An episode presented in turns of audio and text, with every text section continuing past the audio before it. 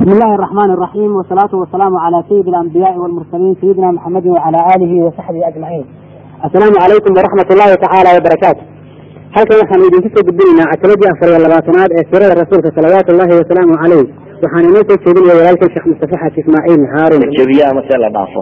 Intiina waxaa aad uu markii dambe nebigu alayh salaatu wasalaam isku dayay inay balyana gantaaladan badiyaan oo aada u isticmaalaan walidalika waa kii nabigu alayh salaatu wasalaam xadiisku saxiixa ku tilmaamaya man balaga bisahmin falahu daraja fi ljanna ninkii gamun gaadsiiye nimankaasiba hal darajo jannaa buu leeyahy markaasaa gamunadiina la waday. Waxaasoo dhan may suurtogelin in la furto qalcaddi dhanka kale waxay culamada taarikhdu tilmaamaan inay muslimiintaba ku badatay dhaawici. Waa iyagii waa makshuuf dabadda meel banaan bay ka joogaan. Gamuunka iyo leefka iyo wixii la soo tuurayo o dhan waa lala dhacaya. Qolada kalena waxay kaga jirtaa dhufaysyadoodii bay kaga jiraan.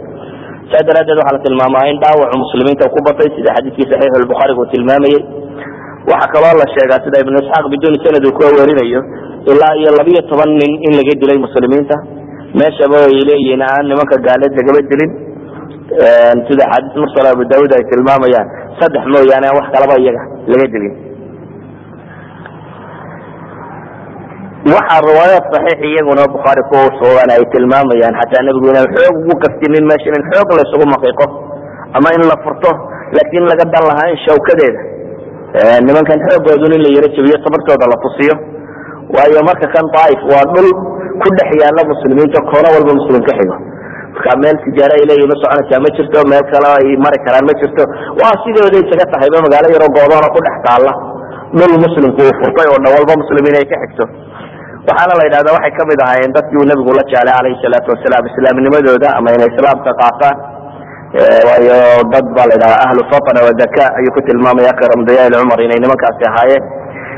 Waana dee meesha aad garan kartaba inuu nebigu uu qaftiyey maka markii ay waxba ka dhegaysan weyday meeshii labaad ee usili diin gaarsiin ayay ahayd.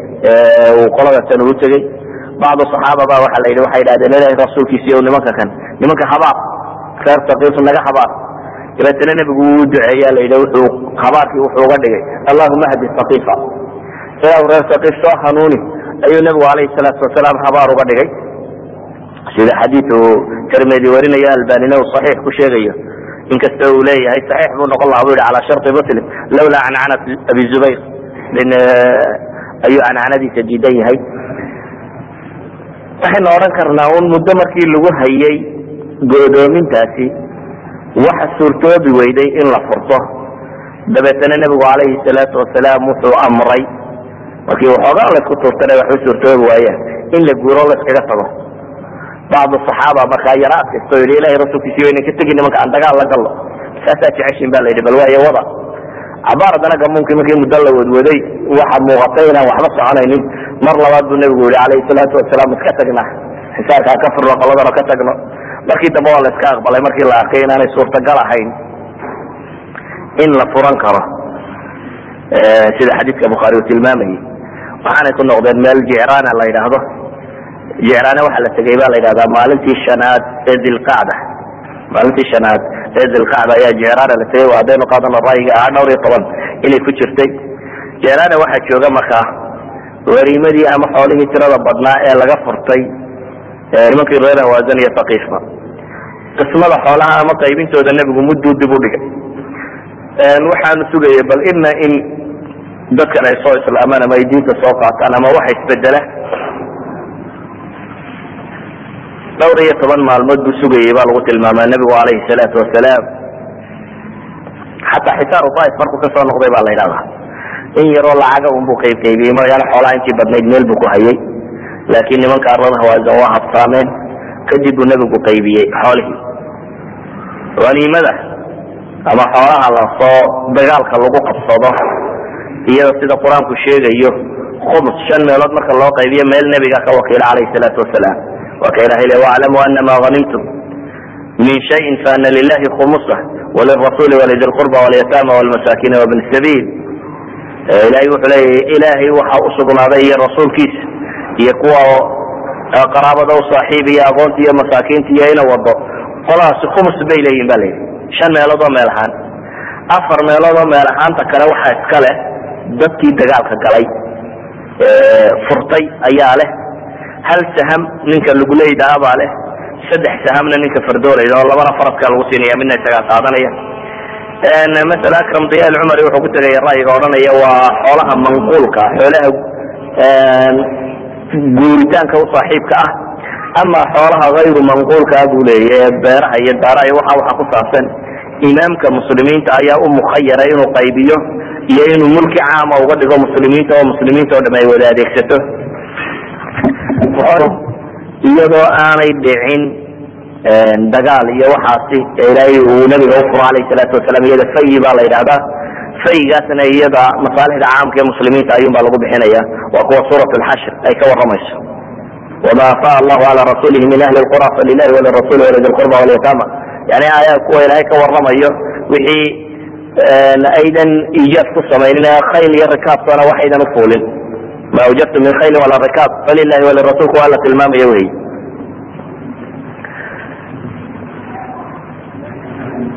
wax kaloo banaan ba la yidhaha xoolaha wixii nafliye dheeraada ee nooca kana ee haniimaha ama haniimada intaan la qaybin in dadka qaarkood wax looga tiltilmaamo qabla ikraaj alkhumusi minha aw bacda.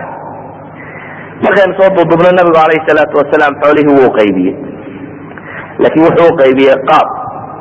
Dadka badh xikmadii ay ka yaro qarsoontay hore garan waayeen. Xoolahan wuxuu u badiyey nebigu alayh salaatu wasalaam nimankii cusbaaya soo islaamay ee maka ka soo raacay nimankii reer baadiye ah ee diinta soo galay kuwii islaamnimada ku cusbaa waxaasuu xoolo badan maalintaa siiyey nebigu alayh salaatu wasalaam si islaamnimada ay qalbigooda u degto. Masalan waxaa la yidhaha cuyaynat bnu xusn ninkii la odhan jiray khatafaan odayadeeda zacmadeeda ka mid ah nin reer bani fazaara buu ahaa.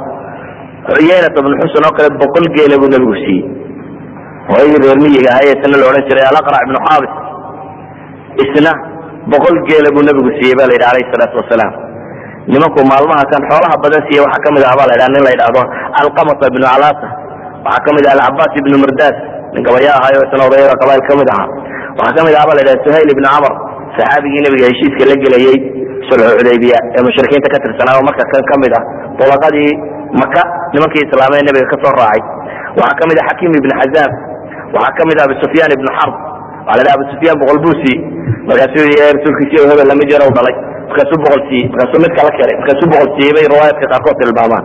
Waxaasoo dhimana waa riwaayaadka ahlu taariikh yani axaadiis xoog badan maan arag laakiin waxaa cad un inuu nebigu calayhi salaatu wasalaam kuwa kan uu badiyey. Raggu xoolaa badan siiye waxaa ka mid ah safwan ibnu umaya ibnu isxaaq qaa'imada nin ee boqol boqolka la siiyey laba iyo toban buu ka dhigay wuxuu kaloo sheegay shan nin oo iyagana boqolka looga yareeyo xoolo badan qaatay. Ibnu hishaamna labaatan iyo sagaal buu ka dhigaya nimanka mualafatu quluubuhum ee xoolaa la siiyey. Hayrkiina waxay ku sii dareen saddex iyo labaatan kale. Waxaa meesha ka muuqda konton iyo laba nin oo mualafatu quluubuhum ah in xoolo aad u badan la siiyey.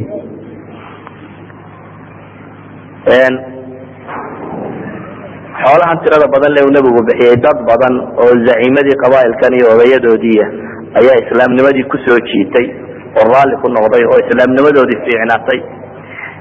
Mid mid mooyaane ragga inta ugu badan le uu xoolahan siiyeyna markii dambe rag muslimiin oo aada u fiican bay noqdeen. Waa ka anas ibnu malik leh. In kana rajul xadiidkii saxiixu muslimka ku yaalay in kana rajulu layaslim ma yuriidu ila dunya fama yaslimu xata yakuna alislaamu axabu ilayhi min addunya wama calayha waxaa dhacaysay buu yidhi inuu mido u islaamo. Isagoo aan dan kala lahayn nebi maxamed xoolaha ku siiyuna xooladoon isagoo abay qaar islaamayaan bu yidhi. Laakiin marka ay islaamaan ayaa islaamnimadoodu fiicnaataa buu leeyahy ilaa iyo adduun oo dhan ay nacaan iyo waxa kor yaallaba oo ilaahay diintiisa ka jeclaadaan waxaad garan kartaa dadkan markan xoolaha la siinayay markii dambe islaamnimadu sida qalbigooda u bedeshay geel iyo adi iyo wax walba waa la siiyey boqol boqol geela weeyaan tan hore lasii siinaya nabigu calayhi salaatu wasalaam xoolahan uu bixiyey waxaa la tilmaamaa safwan ibnu umaya oo kale wuxuu leeyahay laqad acطaani xadiidka صaxiixu muslimka ku yaala safwan ba wuxuu leeyahay laqad acطaanii rasuulu llahi sala lahu alay wasalam ma acطaanii wainahu laabgadu nnaasi ilaya xooluu siiyey buu yidhi tiro badan nabigu wixii uu xoolaysiinayey wuxuu isiinayey anigoo dadka isaga u necab buu yidhi ayuu haddana waxaanu xoolaa isiinayey famaa barixa yucطiinii kamuu zuulin buu ley inuu nebigu xooluni siiyo xataa inahu la axabu nnaasi ilaya ilaa uu ka noqday buu leeyay dadba kaanu jeclaa. Sidii xooluun laygu wadiye lay bixinayey un lay siinayey ayaan ka noqday buu leeyahay dadba kaanu jeclaa uu ka noqday. Safwaana wuxuu ka mid ahaa markaa dadka kan almualafata qulubuhum. Waxaad ka garan kartaa sida inuu nebigu wuxu siinay calayhi salaatu wasalaam.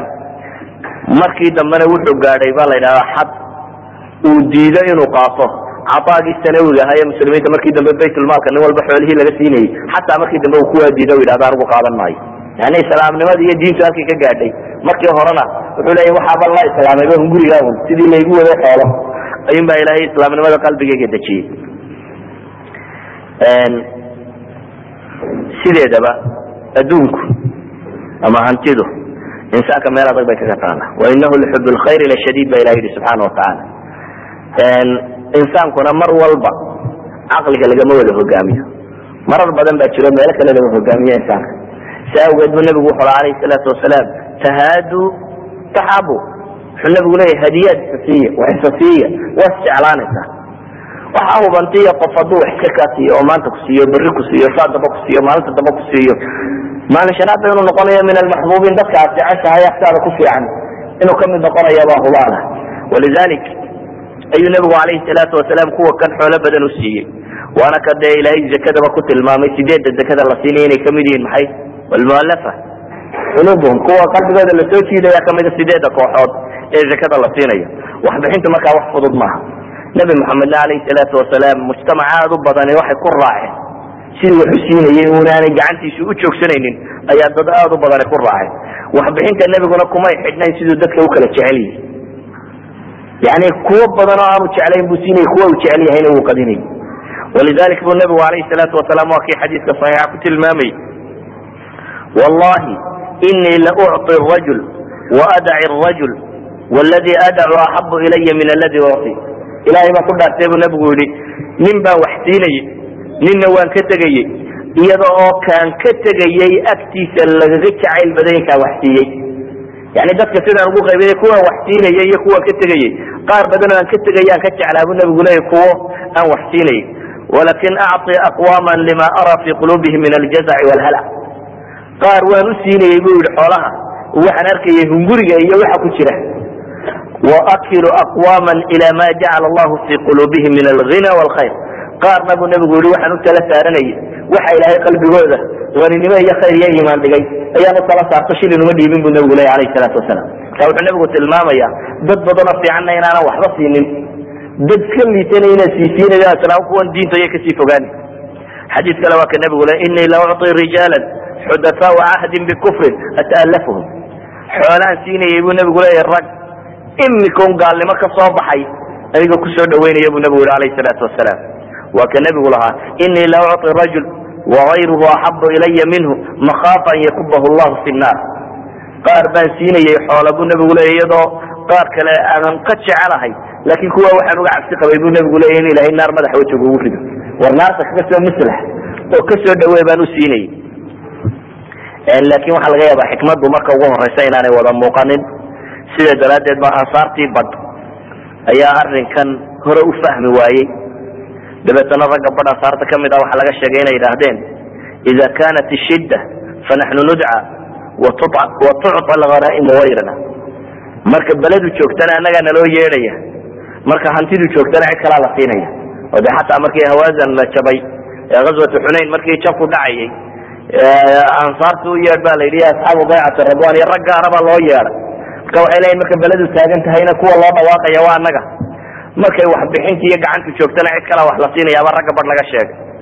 Rag kale waxaa laga sheegay inay yidhaaheen yucطi quraysha wayatrakuna wasuyufuna taqfaru min dimaa'ihim. Nabigu alayhi salaatu wasalaam quraysh buu wax siinaya. Annagana wuuna dhaafaya. Iyadoo qurayshta wax la siinaya weli seefa iyaga dhiigoodii aanu ka qalalin yani kuwaanu shalaysa diinta kula dagaalamaynay. Seeftuba dhiiggiisi ka baabiin. Naxantaa loo badinaya annagana nalama siinin.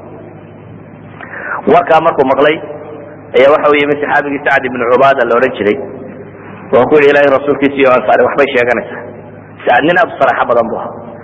Wuxuu nabigu ku yihi alayhi salaatu wasalaam bal adigu ka waran xadiiska qaarkood waxay tilmaamayaan inuu ku yidhi de nin tolkii ka mid un baan dabeetana wuxuu yidhi igu wadaya ansaar oo dhan meel buu nebigu ku ballayey ku ballamiyey. Qubadaa hoosteeda halkaa igu wada yeedh buu yidhi. Ansaar dhammaanteed.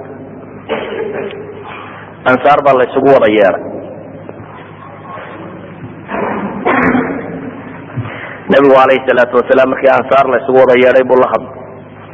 Ansaar wuu ukhudbadeeye wuxuu ku yihi ansaare quraysh waa kuwo diinta ku cusub oo iminka jaahiliye musiibo ka soo baxay.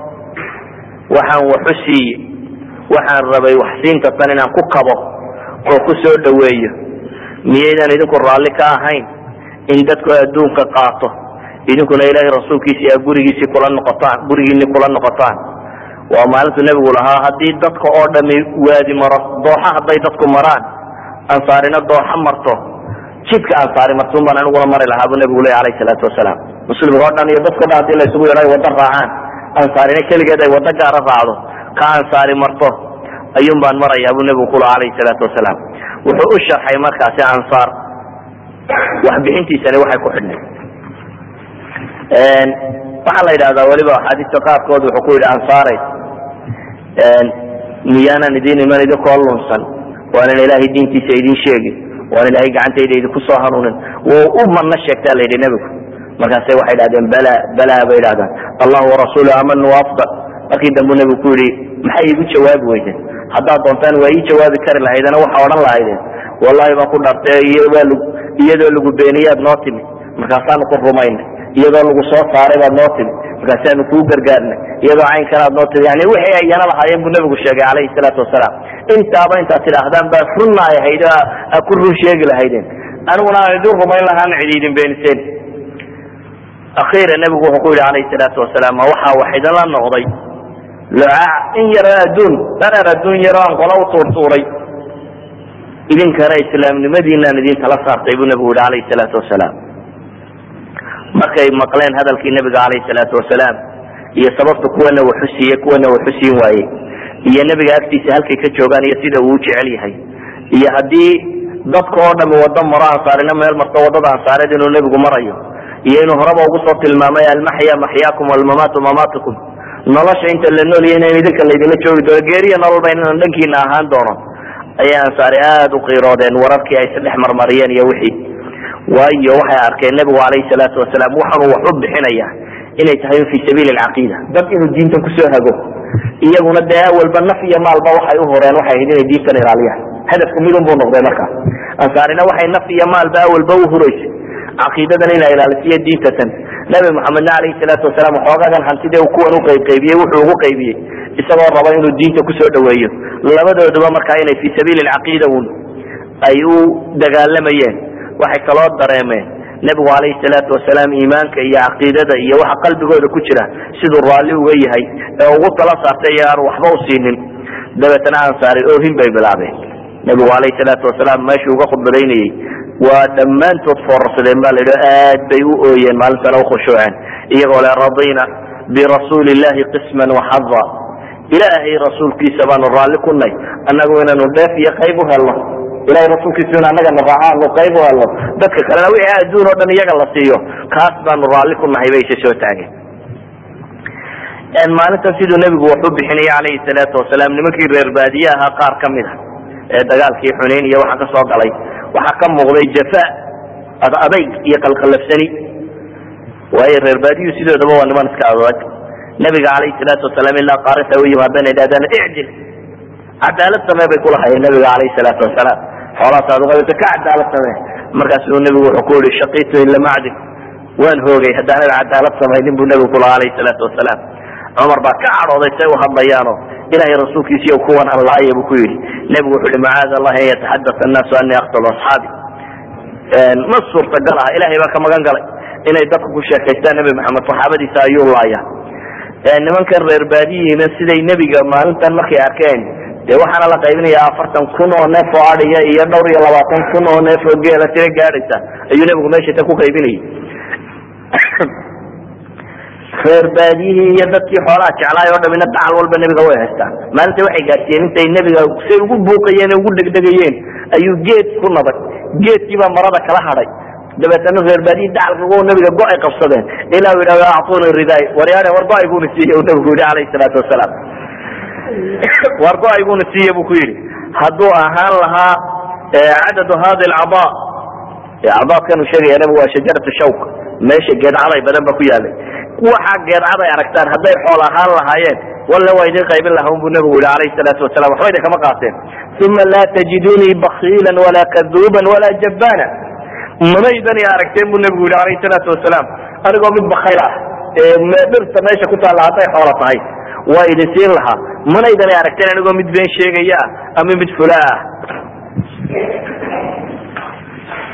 wuxuu kaloo nebigu u sheegay alayhi salaatu wasalaam inaanay banaanayn haniimada inta aan la qaybin. Xoolaha ciddii wax ka qaatay waa hululkii inay xaaraan tahay oo aakhire lagu cadaab gelayo. Walidalika waxaa la tilmaamaa nin karkara la odhan jiro mawlayaashii nebiga ka mid ah ayaa geeriyooday. Markaasuu nebigu wuxuu yihi huwa fi naar. Naartuu kaasi galay. Markaasaa la baadhay dabeetana hal cabaa uu ka dhex qaatay xoolihii. Mara yaro meel gashaday baa laga soo helay. Nebigu alayhi salaatu wasalaam waxa uu tilmaamayaa amwaasha caamka ee ummaddu ay leeday inay huluultay tuugadeedu naarna in lagu gelayo ninkan dhintay mara yara cabaa yar oo uu hoosta gashaday ba nebigu leeyahy iyadaa ku ololaysa oo uu naar la galay. Maxaad umalaynaysaa hantida ummaddu ay leedahay kuwa iska cunaya ama guranaya laa yajuz fi shariica marnaba hantida ummaddu ay leedahay walow ha yaraato maradaa yarna ha noqoto qayd in leegna ha noqote aakhire naar horcaamaysa weeyaan. Nabigu alayhi salaatu wasalaam nimankan reer baadiye tirada badan le ama hadal xumada ama hunguri xumada ama waxa kan kula dhaqmayeyna waa isaga dulqaadanayo marna kama cadhoonin siday go-a ugu jiidayeen ba la yidhahda meelaha nabar kaga sameeyeen. Haddana nebigu alayhi salaatu wasalaam waxaasi kamuu cadhoonin mana ka xanaaqin waayo mujtamaca kan inay islaamaan oo diinta soo galaan buu la rabay nebigu alayhi salaatu wasalaam. Waxaanu ahaa murabbi dadkan rabaynaya oo diinta baraya. Xoolihii markii uu qaybiyey ee uu dhameeyey kadib ayaa waxaa la yidhi waxa yimid qabiilkii hawaasan ahaa oo soo islaamay. Qabiilkii hawaasan ee xoolahan lahaa ayaa yimid oo islaama oo yidhi waanu islaamno diintii bay soo galeen.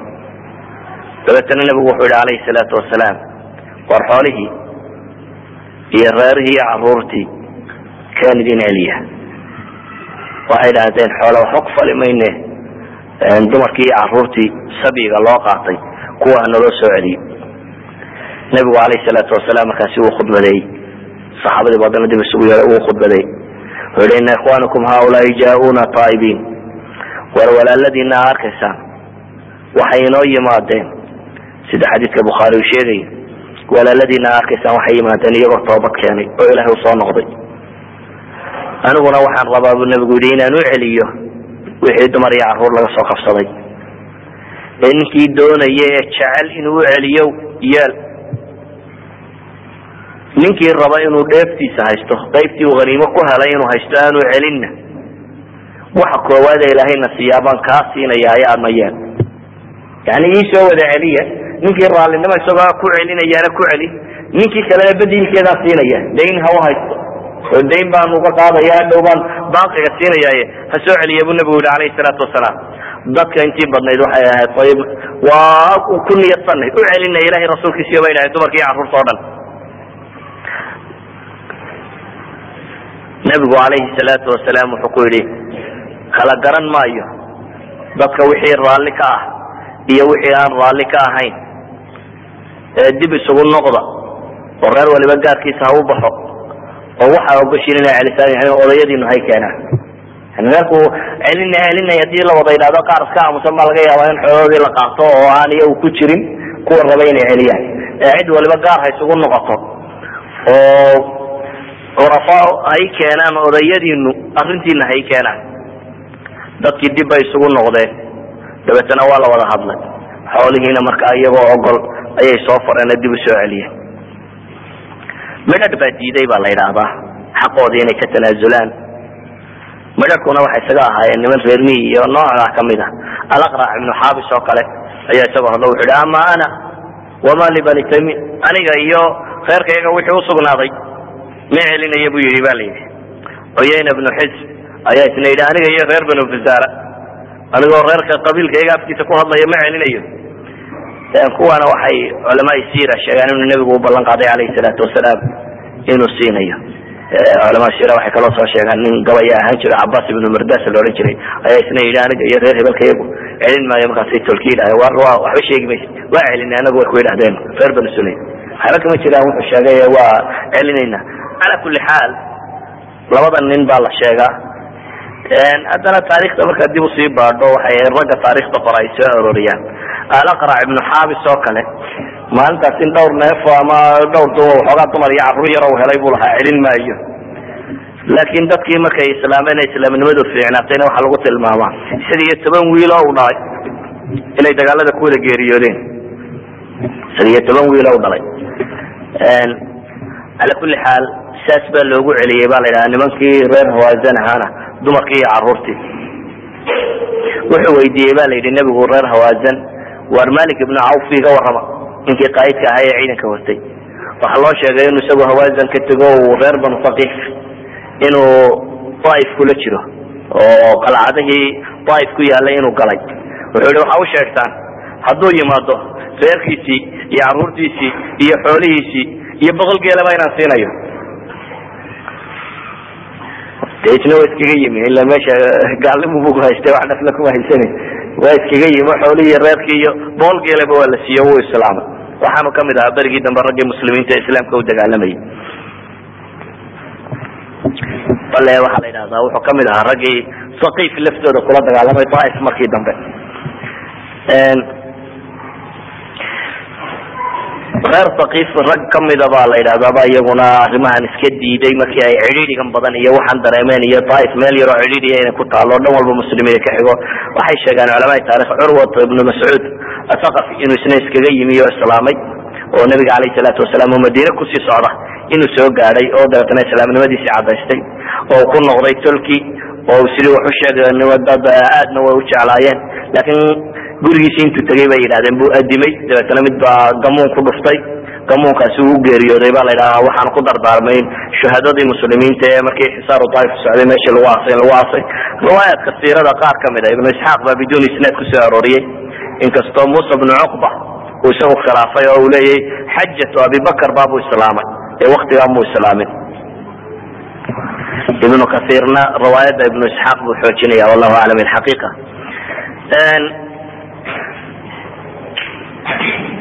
ramadaantii sannadkii sagaalaad yani sannadkii dambe ramadaanteedii ayay nimankii reer sakiif is yidhaahdeen dhibtan iskaga baxay wafdi soo dirteen. Uu hogaaminaya ninkii la odhan jiray cabdiyaleyl ibnu camar. Cabdiyaleyl ibnu camarku waa labadii nin uu nebigu magangeliyada weydiisanayay berigii uu meesha tegay daaif ee hore la soo dhegxamaynayay cabdiyaleyl ibnu camar kaas oo saddex nin oo reer banu maliki la socdaan iyo laba nin oo axlaafta ka tirsan ama ayaa yimi mugiirata bnu shucba arkay baa la yidhahda dabeetana wuxuu u abubakr sidiiq abubakarna markaasuu nebiga u sheegay calayhi salaatu wasalaam. Dabeetana nebigu aad bu ugu farxay inay nimankaasi soo islaameen waa caamul wufuudka dambe aynu ka warrami doono insha allahu tacaala. Ayay soo islaameen oo yimaadeen. Mugiira markaa wuxuu baray aadaabta islaamka iyo nebiga markay utagaan waxay odhan doonaan say taxiyadii islaamiga ahayd ee say u doonaan iyo nebiga say ula hadlayaan iyo inaamusaani nebiguna wuxuu dejiyey ba la yidhaha alayhi salaatu wasalaam qubo masaajidka agtiisa ah oo halkaas uu yihi ha ka dhegaystaan qur'aankana ha maqlaan. Muslimiintu siday u tukanayaanna ha arkaan? Islaamnimadoodiina way muujisteen. Kadibna waxaa la yidhahda abu sufyaan ibnu xarb iyo mugiirat ibnu shucba baa lagu soo daray oo waxaa la yidhi hala dumiyo sanamka meeshooda yaalla la yidhaha laata. Laata iyaga agtooda u ooli jiray. Culamaai taarikhna riwaayado badan bay sheegaan markaas. Waxaa la tilmaamaa nimankani markii ay yimaadeen waxay yidhahdeen waanu islaamnay. Laakin codsiyay la yimaadeen. Horta anaga salaadana laga daaya bay dhaha waa islaamaynaye wuxuu ku yidhi ba la yidhi nebigu laa khayra fi diinin laysa fihi rukuuc diini khayr ma leh. Aan cidiba rukuucaynin taasi khayr male buu ku yidhi. Ibnu isxaaq baa isnaad ma waxaa la tilmaamaa nimankani markii ay yimaadeen waxay yidhahdeen waanu islaamnay laakin codsiyay la yimaadeen. Horta anaga salaadana laga daaya bay dhaha waa islaamaynaye wuxuu ku yidhi ba la yidhi nebigu laa khayra fi diinin laysa fihi rukuuc diini khayr ma leh. Aan cidiba rukuucaynin taasi khayr male buu ku yidhi. Ibnu isxaaq baa isnaad mucabala ku soo arooriye. Waxay kaloo sheegteen cala kulli xaal sunan abi daud isnaad xasan lizatihiya waxay ku sheeganayaan inay yidhaahdeen zakada iyo jihaadkana na laga daayo waxaa la yidhahdaa kuwa nebigu uu aqbalay. Dabeetna waxa la yidhahda jabir ibn cabdillahi baa maqlay isagoo nebigu leh sayatasadaquna wayujahiduna ida aslamu. Hadday islaamku soo galaan buu nebigu ku yidhi alayhi salaatu wasalaam. Yani yani waa iska hadal ay sheeg sheegayaan hadday islaamnimadu soo cagaha soo geliyaan. Waanay sadaqabaysan doonaan waanay jihaatami doonaan buu nebigu ku yidhi alayhi salaatu wasalaam. Waxyaabahay sheegteen baa la yidhaahdaa waxay weydiisteen. Waysada in laga dhaafo dhulka iyagaa qabow in loo daayo nabiidka waa iska waa nooc biirka ka mid oo kale oo meeshayda qabow waxoogaaga macabno waxaasoo dhanna waa laga diiday in ala kuli xaal. Wuu diiday nebigu alayhi salaatu wasalaam. Si axaadiista musnad imaamu axmed ku ay tilmaamayso waxay kaloo codsadeen ababakra sakafina in loo soo celiyo. Waa qoladii nebigu yidhi addoomihii ciddii soo dhacda waa xor mid kamida bay dhaheen naloo soo celiya kana wuu diiday ba la yidhaha nebigu alayhi salaatu wasalaam. Intii meesha joogeen cusmaan ibn abilcaas ayaa ugu fiicnaa ba yidhi qur'aan barashada iyo tafaquha diinta iyo waka iyagaanu nebigu amiir isaga uga dhigay. Isagaasa idinku aqoon badan ba la yidhi isagaa idin ah. Haddana da ahaan ragga meesha marayay ba la yidhahda waa u yaraa isagaase looga dhigay amiir markii ay islaameenna nebiga alayhi salaatu wasalaam su'aalo badan bay weydiiyeen xataa saxaabada su'aalay weydiinayeen. Su'aale ay saxaabada weydiinayeen waxaa kamida ba la waa qur'aanka saa xisaab uga dhigan saa uqaybsataan qur'aanka yani maalin walba xisbi qofku weyn bu akriya saad u akrida waa kuwii ku lahaa saxaabadu. Waxaanu uqaybinaa saddex suuradood shan suuradood. Yani saddexda suuradood hore waa xisbi maalin lawada akriyo shan suuradood ee ku xiga toddobada suuradood ee ku xiga koob iyo toban suuradood saddex iyo toban suuradood iyo xisbulmufasal xisbigan qaaf ka bilaabma.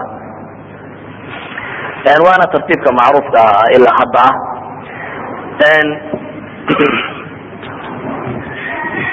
wafdigu kolleyba intii uu nabiga la joogay alayhi salaatu wasalaam iyo muqaabalaadkii tirada badan le ayuu raadeeyey baa la yidhahda markaa riwaayaadka qaarkood waxay sheegaanba ramadaanta inteedii dambeba xataa inay soomeen baa la sheega waxaanay nebiga la joogeen alayhi salaatu wasalaam toban iyo shan maalmood. Kadibna daaiftoodii bay ku soo noqdeen iyadoo la soo raaciyay baa la yidhaha abu sufyaan ibnu xarb yani waa sanad kadib baynu israacinay reer faqiif warkooda si aynu isu wada dhaafino. Iyagoo uu la socday abu sufyaan ibnu xarbi ba la yidhi iyo mugiirata bnu shucba athaqafi oo loo soo diray inay laate dumiyaan. Waxaa la yidhaha markay laate rabeen inay dumiyaan ibnu isxaaq siduu soo arooriyo. Laate dumintiisii buu yidhi dumarkii reer banu faqiif oo dhan baa isu soo baxay ba la yidhi. Oo ooyaya ila ilaah baa la duminaya meeshan yaale sanam la caabudo dee dad sanado dhan ay ilaah uhaysteen ooyaya markaasa waxay uhaysteen ba laleeyahy de waxay islahaayeen saarigiisa kollay markuu taabto ama gacanta engegi ama meelunba engegiyo dee nafta ka bixi doonta islahaayeen kooxda tan. Laakiin ayar bay dumiyeen oo xoolihii lagu guri jiray iyo wixii la siin jiray inay ka qaateen. Waxaa la sheegaa xataa waxay dhahdaan mugiirat bnu shucba si uu sheekooyinkaasi ay wariyaan inkastoo aanay xoog badnayn sanad ma lehe waa sida uu ku soo saaraan riwaayaan sanad wadan. Waxay dhahdeen xataa mugiirat bnu shucba baa ku cayaayaray oo markii uu meesha yimi ba la yidhi micwalkii mandaraqii yaraayo uu sitay uu rabay inuu ku dumiyo ayuu intuu isla soo dutaagay intuu ag dhigay ba la yidhi tuuray buu cararay mugiira soo iska dhigay yani kaanama nin dee uu ninku aarsaday oo kale. Markaasa islaami iyo wixii inta lawada hadlaa la fa arat rabba ba la yidhi ilaahadii waxbay iska celisay yani rabbigi sanamkii waxbay iska celisay. Intuu ku qoslay ba la yidhi wuu ku soo noqday. Oo madaxa ka gooya waxoogaagi xoolaana kala baxsaday. Ka qaaday cala kuli xaal labadaas saxaabi baa dumiyey lata. Duduub ahaan haddaynu qaswada tan dhamayno waxaa la yidhahdaa axkaamta ku soo degtay gaar ahaan marka tashriic laga fikray axkaamtu say isu naskhtay u kala ayaa inta badan laga fahma haddaad garanayso taariikhdii axkaamtaasi ay soo degtay. Waxaa kamida ba yidhaha walmuxsanaatu min annisa ila ma malakat aymanukum. Aayaadkaasa ku soo degay ba la yidhi maalintii awtaas iyadoo la cadaynayo dumarka la soo qafaasho sibyiga la soo qabsado iyo haweenka kale. Yani sibyigaasi raggoodii laga keenay ayaa ayadana cadaynaysaaba la tilmaamaa ciddadoodu. In bacda alcidda un loo galmoon karo ciddaduna inay ku xidhan tahay intay uurka ka dhigayso ama xayda haldigi intay ka helayso. Waxaa la yidhahdaa waktiga kan raggan mukhanasiinta iska khilqatan naaga naagoodka iska kuwaasina nebigu wuxuu diiday inay dumarkaba ugalaan ghazwadan intii lagu dhex jiray nabigu alayh salaatu wasalaam wuxuu diiday in dumarka iyo carruurta iyo odayadaba la laayo. Riwaayatka bacd axaadiid abu daud uu warinayo inkastoo sanadkiisa waxoogaa ninku jira ragga baray ka hadlaan waxay dhahdaan waktigaa mid khamri cabayna waxa lagu oogay xadkaa lagu oogay oo in xuduudda loo oogi karo. Daarilxarbiga bay qaar u daliishadaan waxyaabaha ghazwadatan la daliishada waxaa ka mid ah kafirka ama mushrika in la isticaanaysan karo maadaama duruucdii safwan ibnu umaya iyo kuwa kan la qaatay waana qadiya culamadu ay isku khilaafaan inkasta ay leeyihiin shuruud hadday hesho ah caamka inay muslimiintu hogaaminayso oo de qof iyo laba iska dhex socda ay yihiin. Waana mas'ala imaamu shaafici uu ku tilmaamayo masalan berigii hore inay mamnuuc ahayd kadibna in la ogolaaday saasaanu imaamu shaafici uu ku tegey markii horena inay mamnuuc ahayd mushrikiinta in la icaanaysto markii dambena in la ogolaaday. Wallahu aclam ilxaqiiqa waxyaabaha laga faa'iidayo waxaa ka mid a iyaduna masaladan mualafatu qulubihim in xoolo badan la siin karo imaamka ra'yigiisana inay ku xidhan tahay sida axaadiistii nabigu alayh salaatu wasalaam uu tilmaamayay waxyaaba laga faa'iidaya waxaa ka mid ah jicraana meesha la yidhahdo in cumro laga xidhan karayo. Ghazwadaasi saasay ku dhamaatay insha allah waxaynagu hadhay hal ghazwo iyo axdaaftii ugu dambeysay alaxdaaf alakhira waxaynu bixin doonaa insha allah oo ku saabsan caamil wufuud sannadkii nabiga loo wada yimi xajkii abibakar xajkii nabiga xajat lwadaaca ciidankii uu saamay nabigu diyaariyay geeridiisii nabiga alayh salaatu wasalaam. Intaa waxaa ka soo horreeya noo hadhay waa azwat tabuk azwat tabuk dagaalkii tabuk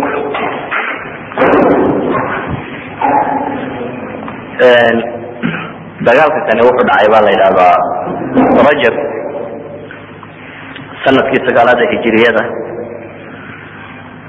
markii laga soo noqday bay tilmaamaan daaif xisaarkeedii ama go'doomintii daair lagu qabtay daaif lagu qabtay. Ilaa lix bilood meelahaasay sheegaan muwarikiintu lix bilood wakti ka dambeysay. Lixda bilood waxoogaa ku saabsan saraya ama dagaalo yaryar oo kooxa kooxa la diray ayay tilmaamaan qaarkood ilaa dhowr iyo toban baabay gaadsiiyaan waktiyadaa saraayaadka yarraaya la diray laakiin insha allahu azwadaynu iska akriyayna azwadatan oo dhacday sanadkaa sagaalaad muarikiintu sidii caadada u ahayd waxay isku dayayaan inay sabab mubaashara sheegaan waxaan dagaalka loo galay ibnu sacd masalan wuxuu soo aroorinayaa in ninkii hiraqal la odhan jiray uu ciidamo badan oo romaniyiintii iyo carabtiiba uu soo ururiyey carabtii muwaaliga la ahayd yani dawladda romanska waxaa daba socod u ahaa sham carabta degan oo dhan oo dhami waxay hoos imanayeen dawladii romanska ama byzantinti dawladii gaaladu ay wadatay christanka ahayd. Muslimiintu markay maqleen warkaasi ayay dagaalka kan u diyaar garoobeen buu sheegayaa ibnu sacd fi abaqaati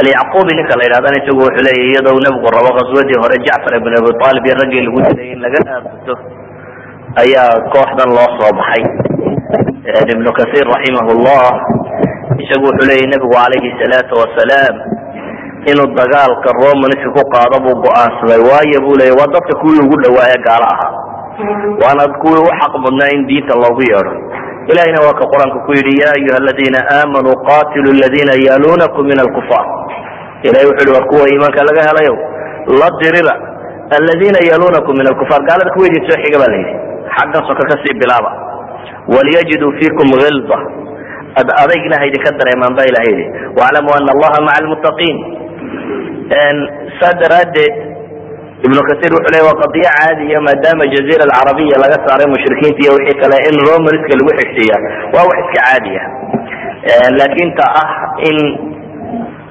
ay nimankaa gaaleed dagaal soo wadeen iyada lafteedu wax la baciidsado maaha waayo waxaad ka garan kartaa magaalada madiine sida wax lubayay waa kii cumar bin khaaab xadiiskii saxiix ahaa uu ku tilmaamayey in isaga iyo nin kaloo saxaabiyi ay ku maalintami jireen. Magaalada madiine dacalkeeday deganaayeen cawaaliga sare. Dabeetana midkoodba maalin buu dhaadhici jiray oo uu soo eegi jiray warka magaalada joogaa waxa uu yahay. Nabiga calayhi salaatu wasalaam iyo axaadiistu sheega iyo warkiisa intuu soo qaado ayuu ka kale habeenkii ukeeni jiray. Dabeetana kaasina berrito reerahu sii jooga ka kalaa berri suuqa taga oo warka soo qaada oo keena saasaanu isu weydaaran jirnay bu leeyahy cumar bin khaaab waxa uu tilmaamayay yani anagoo sidii isu weydaarana ninkaasi saxaabiga ah ayuu habeenkii dambe igu garaacay bu i maalintiisi markuu soo noqdo. Waxaanu cumar leeyahy waxaanu ka cabsi qabnay muluku khazan khazaniyiinta waa carabtii sham meelahan xukumaysay dawladda kristanka mawaaliga la ahayd. Qoladaasanu ka cabsi qabnay bu leeyahy oo inayna soo baxaan.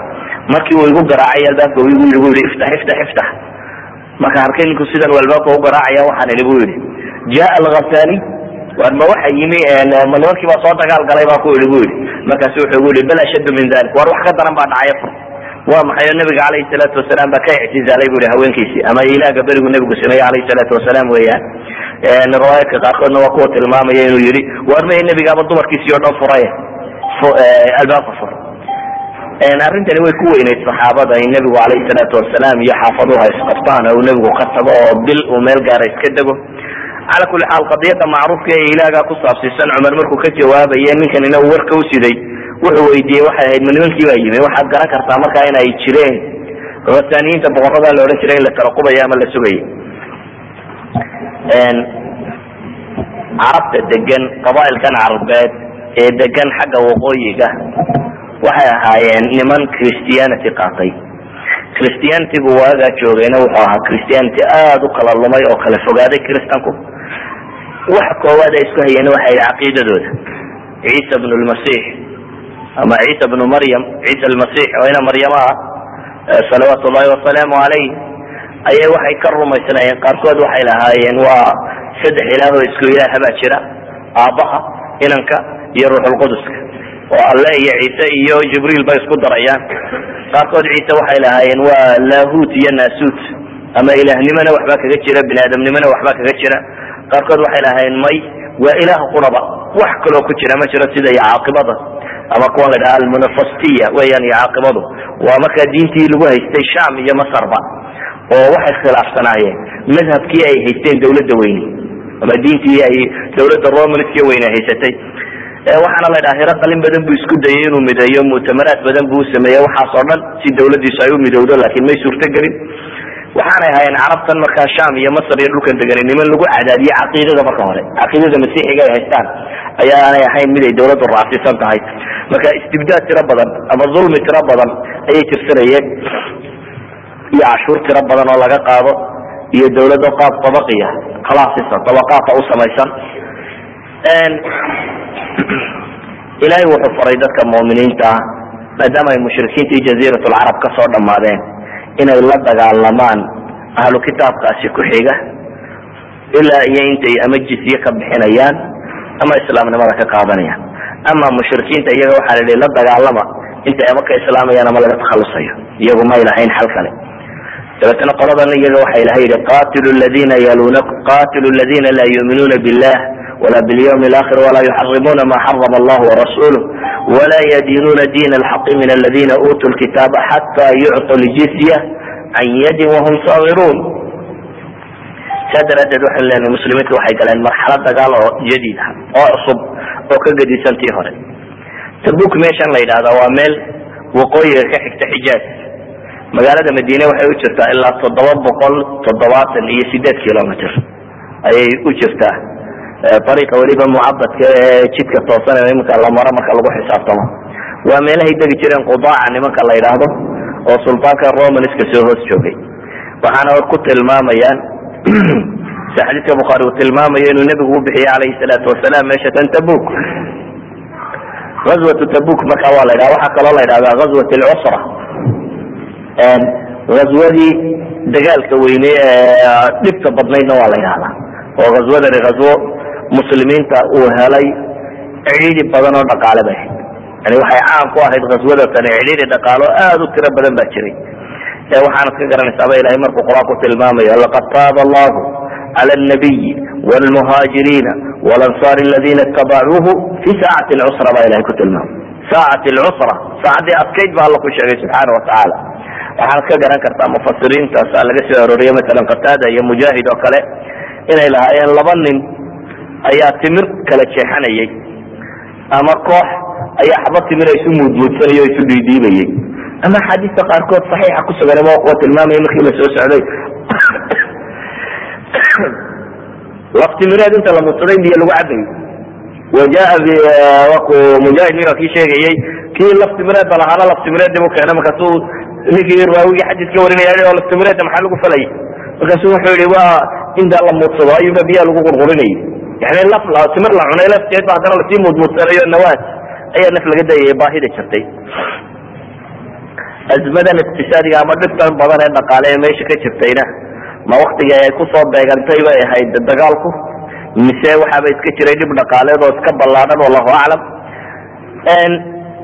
dagaalkani maadaama dagaal ballaadhan ahaa dad aada u tiro badan in ay ka qayb galayeen ciidankani wuxuu u baahday nafaqo tiro badan leh ama xoolo badan oo lagu dagaal galo. Nabiguna calayhi salaatu wasalaam saxaabada waa wacdiyey isagoo ku wacdinaya sadaqada iyo ajar badnida ay leeday kuna dhiirinaya inay soo sadaqo badan baxsadaan.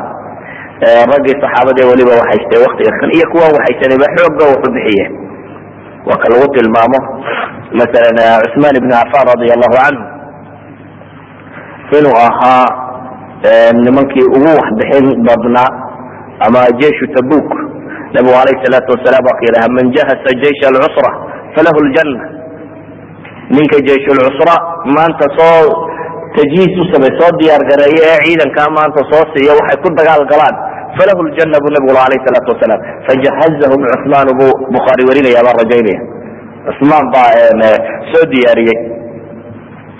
Waxay dhahdaa nebigu u keenay lialfa dinaar kun dinaar dinaarku waa dahab. Kun dinaar oo dahaba ayuu u keenay bay dhahdaa nabiga alayh salaatu wasalaam. Yani halka dinaar waxaa lagu tilmaamaa afar dhibic shan iyo labaatan gram oo ah dahaba baa lagu tilmaama kunka dinaar yani waa dahab aada u tiro badan leh. Markaasuu dharka nabiga ku shubay alayhi salaatu wasalaam bay sheegaan dabeetana waa ka xadiiskii tirmidi iyo sunan imaamu axmed ba ay warinayaan xadiidka sanadadiisa inkastoo laga hadlo haddana culamada bad waxay leeyihiin waa isxoojinaya marka la isku wada daro oo darajatu sixa waa gaari karaa ama darada alxasan ligayrihi baan ujeeda waa gaari karaa. Laakin nabigu laa maa dara bna cufanin ma camila bacda alyawm. Yani sadaqadan u baxsaday siday u weyneyd cusmaan ibnu cafaan maanta kadib waxaan waxaanu maanta baxsaday wixii kadib uu sameeya dhib u keeni mayso.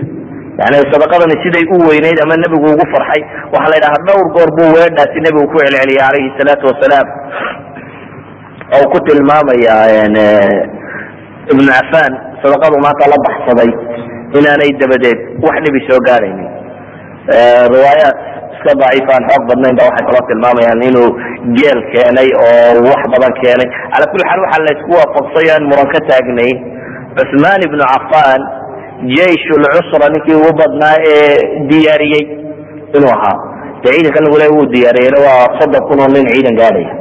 Soddon kun oo nin ciidan gaadhaya wixii ay ku dagaalgeli kari lahayen waa nafaqa aada u badan. Muwarikiintu waxyaabahay sheegaane kale waxaa kamida isagana cabdiraxmaan ibnu cawf inuu xoolo badan isaga laftiisu bixiyey. Bay soo arooriyaan nimanka muwarikiinta ah inkastoo sanadadu aad isaga wada daciifiyin inta badan laakiin waxaa jiray uu nabigu alayhi salaatu wasalaam maalinta waxbixinta sida uu ugu boorinayo dadka muslimiinta ah. Wax kasta waa la bixinayay. Waa ka lagu tilmaamo. Khaysam alansari saxaabigii la odhan jiray sida saxiixulbukhaari buu sugay inuu keenay saac timir ah. Dee waa galaan ama un saac timir waa laba kiilo iyo badh meelahaasi oo timira xataa inuu keenay. Waata la tilmaamo abu caqiil oo kale nisfu saac buu keenay baa la dhaha munaafiqiinta waa kuwii ku caayayey ilaahay muxuu uga baahan yahay galaankiisa timirta ama labadiisa saacaba timir ah iyagoo ku ceebaynaya lamdi samaynaya.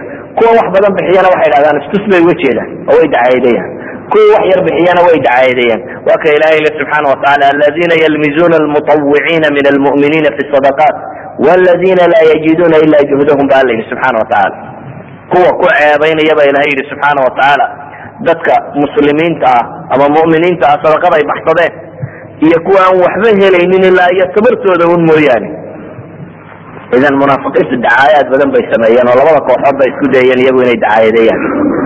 Aswadatan de waa aswaday ku soo degtay inta ugu badan le suuradan la ydhaha suurat alfaadixa suurad dhowr iyo toban magac leh tawba faadixa yani aad bay suuraddaasi magacee badantay oo ilaahay kaga warramaya nimanka munaafiqiinta iyo axwaashoodii o dhan lagu soo bandhigayo xarbi dacaa'iya bay sameeyeen horta waktigu waktigu ku beegmay waxay ahayd wakti aada u kulul.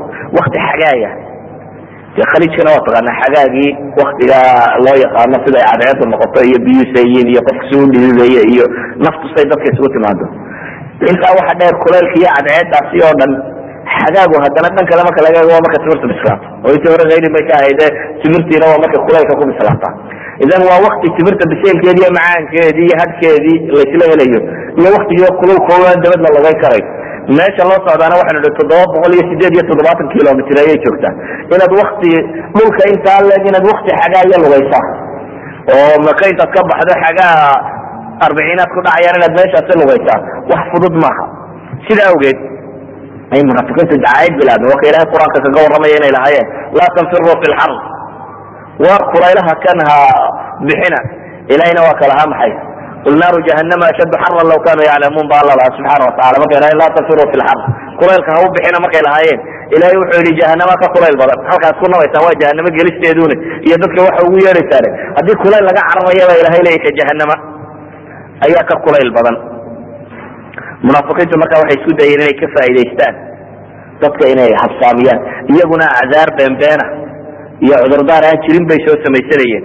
Bal say cudurdaar beena u samaysanayeen waa ilahay nabiga ku canaananaya calayhi salaatu wasalaam ee la leeyahay maxaad uga aqbashay idanka cafa allahu canka lima adinta lahum xataa yatabayana laka aladiina sadaquu wataclama alkaadibiin baa ilahay nabiga ku leeyahy alayhi salaatu wasalaam.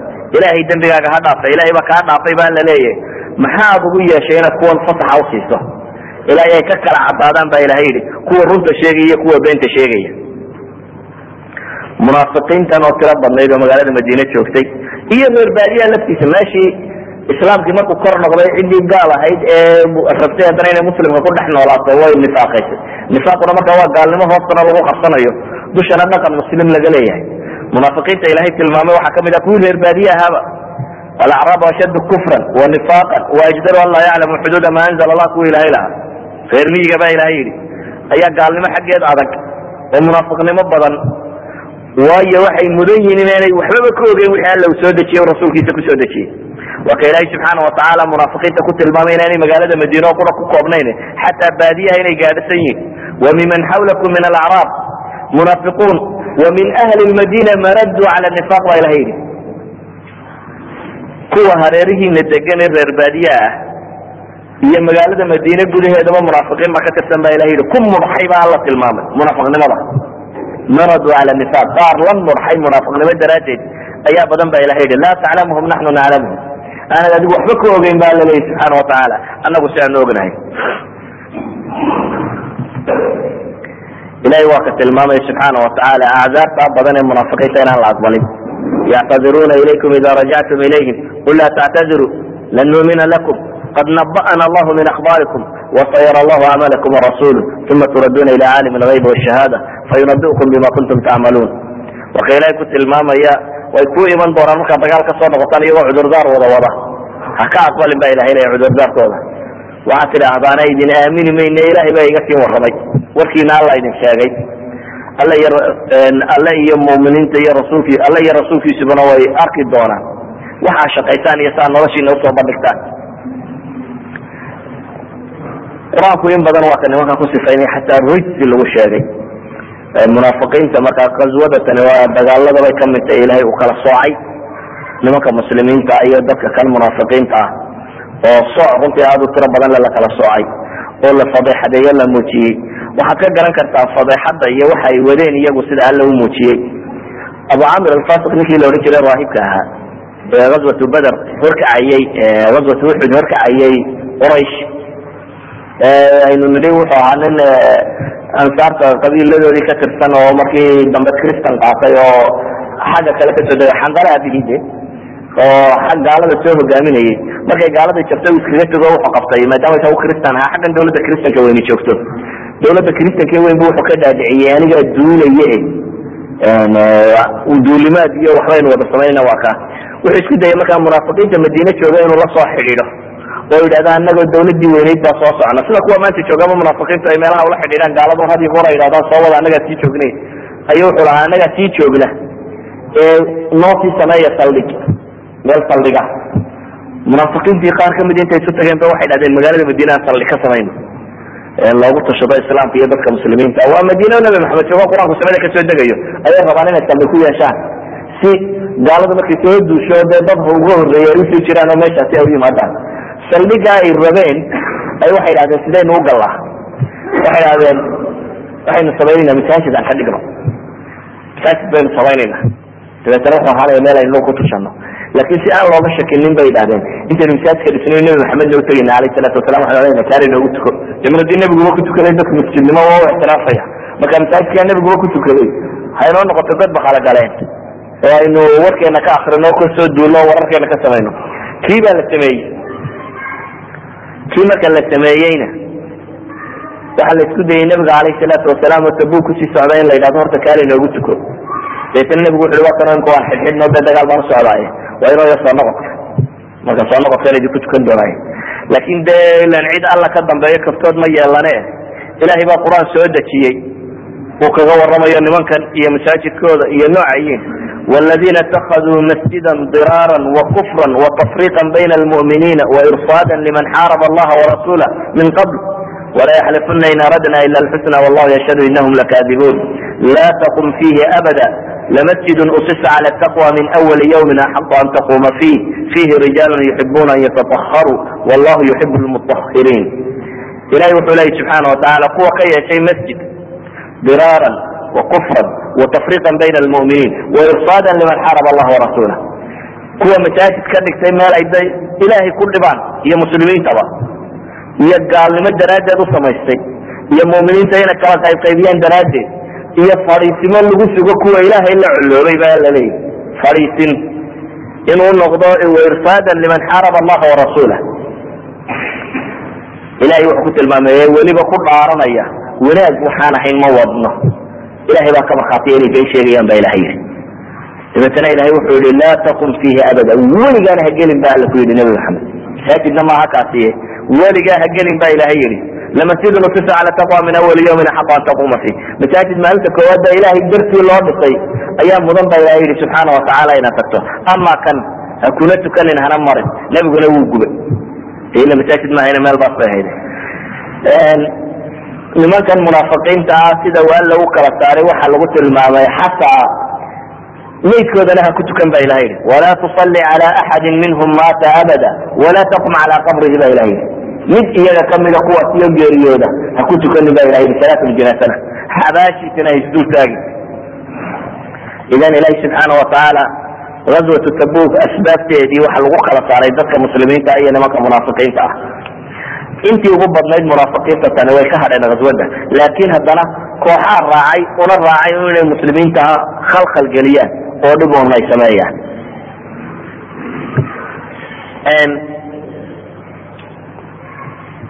Madiine gudaheeda wuxuu nabigu iclaamiyey nasiir caama waana ka qur'aanka ilahay ku sheegayo ya ayuha aladina aamanuu ma lakum ida qiila lakum infiruu fi sabiili اllahi istaqaltum ila lard araditum bilxayaati اdunya min alaakhira fama mataacu lxayaati اdunya fi laakhirati ila qaliil halkaa waxaa inoogu gebagabowday cajaladii afar iyo labaatanaad ee siirada rasuulka salawaatu llahi wasalaamu calayh cajaladahan nusakh